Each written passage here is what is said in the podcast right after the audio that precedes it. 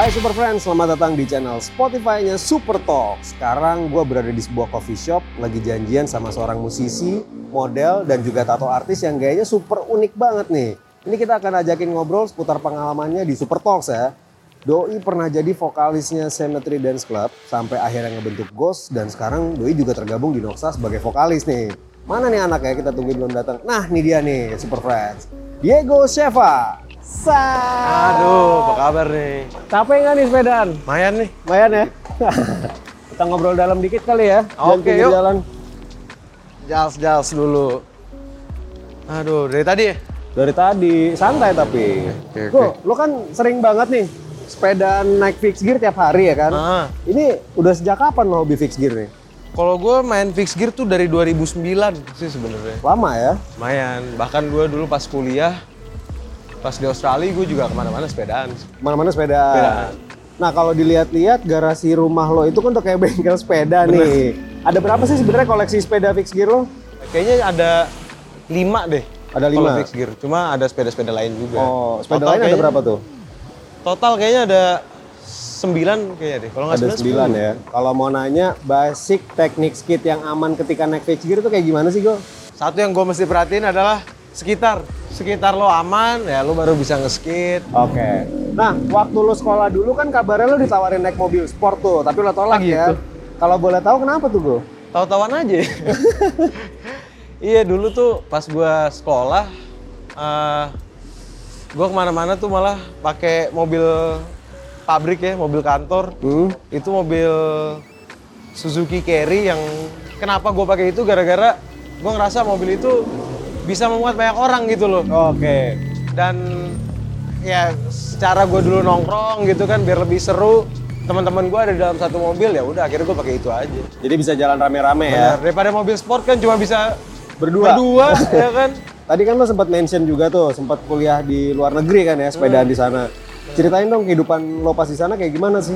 sejauh gue kuliah di sana sih gue aman-aman aja sih pinter-pinter aja sih kalau kata dosen gue gue pengen ke sana bener-bener kuliah terus akhirnya gue malah homestay di sana numpang di rumah orang gitu jadi kayak oke. anak angkat lah ibaratnya Iya, iya, iya, iya. bener-bener paling gue kerja sih kerja sampingan juga di sana kerja sampingan ya. Bener. Ya, gue menggunakan skill yang bisa gue pakai buat Sewaktu gue hidup ya? gitu. Heeh. Oke. Bener. Akhirnya gue uh, jadi tato artis lah. Nggak nggak bener-bener tato artis ya. Soalnya kalau di sana jadi tato artis tuh kayak rada susah gitu. Bikin apa sketch gitu-gitu. Oke. Ngobrol tentang tato nih. Di Hmm. antara sekian banyak tato di badan lo, tato pertama tuh yang mana sih? Tato pertama gue sih di sini sih. Tuh yang Oke. gambar tengkorak. Tengkorak. ini. Ini pas gua SMP kelas 2 kalau nggak salah. Sekarang ngobrol tentang tato artis favorit lo tuh siapa tuh? Kalau tato artis luar sih Mike Giant sih. Gaya-gaya desainnya tuh gua banget. Keren deh pokoknya. Dia sebenarnya arsitek tuh. Sebagai tato artis nih, Hmm. kabarnya lo itu orang yang agak sungkan kalau ditanya soal nominal jasa tato, ya kan? Tahu-tahu Makanya lo suka minta dibayar sama sesuatu yang lain, yang aneh-aneh. Bayaran bener. tato lo yang paling terabsurd tuh apa? Yang paling absurd adalah dulu gua natoin temen gua orang Australia, namanya Laura. Pas dia kan tato mintanya dibikinin lumayan banyak dari tangan sampai paha gitu. Gue cuma minta satu hal sama dia, gue bilang, gue pengen nih dibeliin motor ini nih, Honda S90. Terus kata dia, oh ya udah, lo tatoin gue, gue beliin motor itu. Terus gue kayak, serius lo? Iya serius, gini gini. gini. Ya udah akhirnya bener-bener gue habis natoin dia, gue dibeliin motor pak, berangkat gue sama dia. Dibayar pakai motor ya? Dibayar pakai Pakai motor, motor. Honda S90. Ngambilnya di daerah Deplu. Baru-baru ini kan lagi rame tuh orang-orang yang pada nonton film Doraemon Stand By Me yang kedua. Sebagai orang yang punya tato Doraemon, mana coba dikasih lihat? Doraemon. Nah, suka ap- Doraemon. apa sih yang lo suka dari Doraemon? Dan kalau lo punya Doraemon nih misalnya, Hmm. alat berharga apa yang bakal lo minta ke si Doraemon tuh? Mungkin kalau misalnya ditanya alat apa, time machine-nya dia apa sih yang di dalam locker itu travel Ke mana-mana between ya? time gitu ya. Ya itu doang sih. Gue pengen banget gue balik ke masa lalu buat nyari gue yang di masa lalu buat gue pukulin. Gue lo gak usah bandel an. pengen gue gituin. Eh, by the way lo aus gak? Aus nggak? Yuk, kopi dulu yuk. Warung kopi nih ya. Yops. Ntar ya. Nah, ini coffee shop temen gue nih. Ini namanya Danar nih, temen gue dari kecil. Dia vokalis band juga, band Purpla namanya. Jadi pesan satu kopi ya? Ah, jadi dua. Gue biasa beans gue sama satu lagi. Alright. S dua-duanya. Dua-duanya S. Kembali nih. kenapa di tahun 2012 lo harus balik lagi ke Indonesia untuk ngurus bisnis keluarga sih, Go? Jadi sebenarnya bokap gue tuh dulu meninggal di 2011 dan pas bokap gue meninggal gue juga lagi di Australia. Gue diharuskan balik tuh. Ternyata riwah nih yang di sini kan urusan bisnis dan lain-lain. Jadi otomatis ya gue gue mesti ninggalin Australia di akhir tahun buat balik ke sini gitu loh, buat kerja kantor akhirnya. Apa aja sih tantangan yang lo harus hadepin pada waktu itu, Go? Tantangan sebenarnya banyak sih ya, ya namanya kerja ya. Apalagi ngeraba kan gue pas di 2012 gue baru umur 21 22 pas balik ke sini nerusin bisnis orang tua gue nggak tahu caranya gimana sampai akhirnya gue masuk ke dalam bisnis itu lebih dalam dan gue ngelihat wah ternyata banyak banget orang-orang yang di dalam perusahaan ini yang main curang gitu sampai akhirnya ya bisnisnya harus ditutup jatuh lah pokoknya cuma akhirnya gue berusaha terus apa ya strive lah buat melanjutin hidup Apa sih yang lo lakukan untuk bisa bangkit lagi dari keterpurukan lo saat itu? Jadi awalnya gue major depression itu gue ke psikiater sampai psikiater gue tuh bilang gimana caranya lo harus cari distraksi. Pada saat itu gue merasa nyaman untuk menulis. Ya udah tiba-tiba jadi banyak tuh. Akhirnya ya gue belajar ya kalau misalnya gue dapat anxiety attack atau nggak apa gue harus cari distraksi sih. Berarti berkesenian itu bisa dibilang salah satu cara untuk ngalihin depresi lo ya. Benar. Dan apa sih rasanya tekanan yang lo hadepin itu bisa lo lawan dengan medium yang lo suka? Ya pasti seneng banget dong gitu loh. Kabarnya lo juga menyukai bidang seni musik nih. Nah. Saat itu lo kan tergabung di band deathcore eh, sama dark pop ya. Iya bener. Ceritain dong soal band-band lo pada waktu itu kok. Jadi awalnya pas gue balik ke Indonesia tuh gue gabung sama CDC. CDC, habis itu metal-metalan. Cuma pas gue main metal-metalan, gue depresi itu juga gue kayak ngerasa I'm so sick of singing about hate gitu. Hmm. Ya kan, jadi akhirnya gue berusaha nulis ya sesuatu yang berbeda dari sebelumnya gitu loh.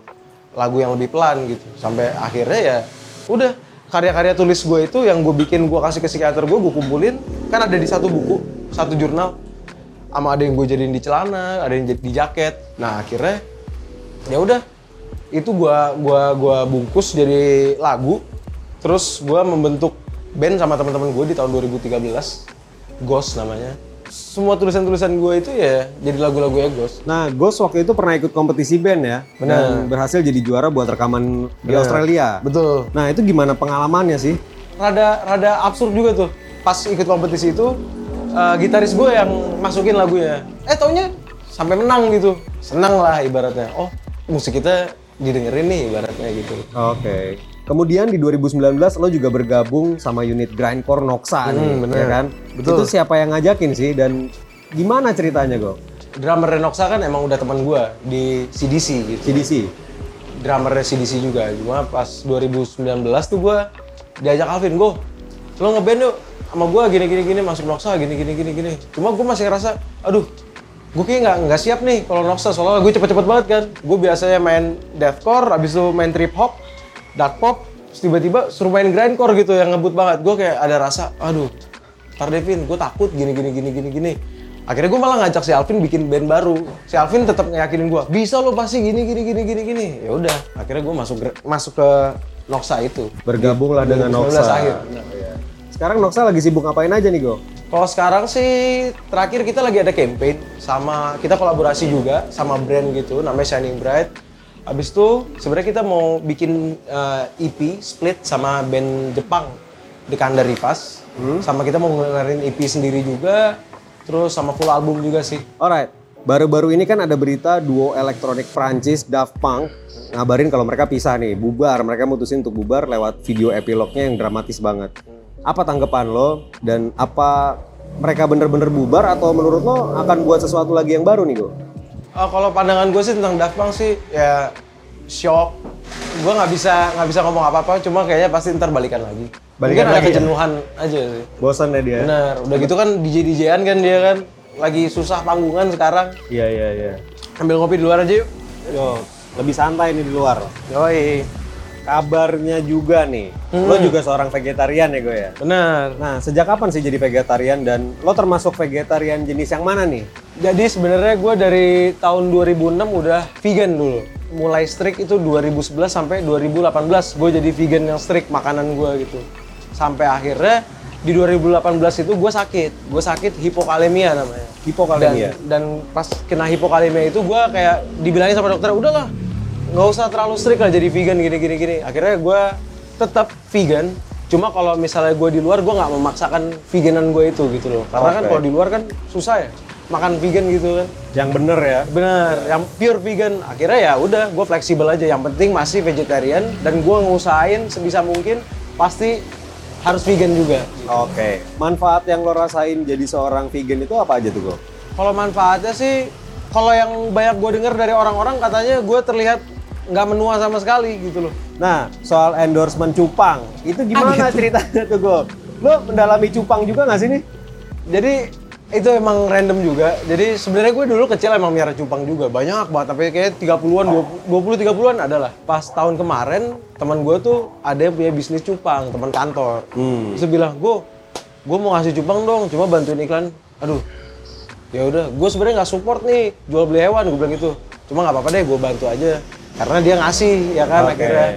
Dia nih ngasih dua cupang, sekarang cupang gue banyak banget yang ngasih men jadi kayak orang tuh tiba bang bantuin gue dong iklanin bang ini dong bang mau lanjutin merahin cupang gue nggak gini gini sampai sekarang kayaknya ada belasan lah cuma Belasan ya, cupang ya? cupang-cupang bagus gitu loh Terakhir nih, Go. Dari apa yang udah lo alamin dalam hidup lo, gue mau tanya dua hal. Hmm. Pertama, apa yang lo takutkan dalam hidup? Dan kedua, apa yang bisa lo pelajarin dalam hidup lo selama ini? yang pertama apa yang gue takutkan dalam hidup gue kayaknya udah nggak takut apa-apa sama sekali. Gue kayak ngerasa udah nothing tulus aja hidup gitu. I dare to to face my fears gitu kayak ya udah hidup gue ya apa yang dikasih gue ya harus gue jalanin gitu. Sama perjalanan hidup yang nggak selalu mulus dan ya lika-likunya ya menempa gue untuk belajar ilmu ikhlas.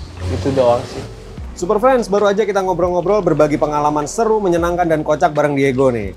Mulai dari bersepeda, cerita tentang tato, di endorse cupang, berkesenian, dan akhirnya bangkit lagi ya gue ya? Benar, benar. Oke.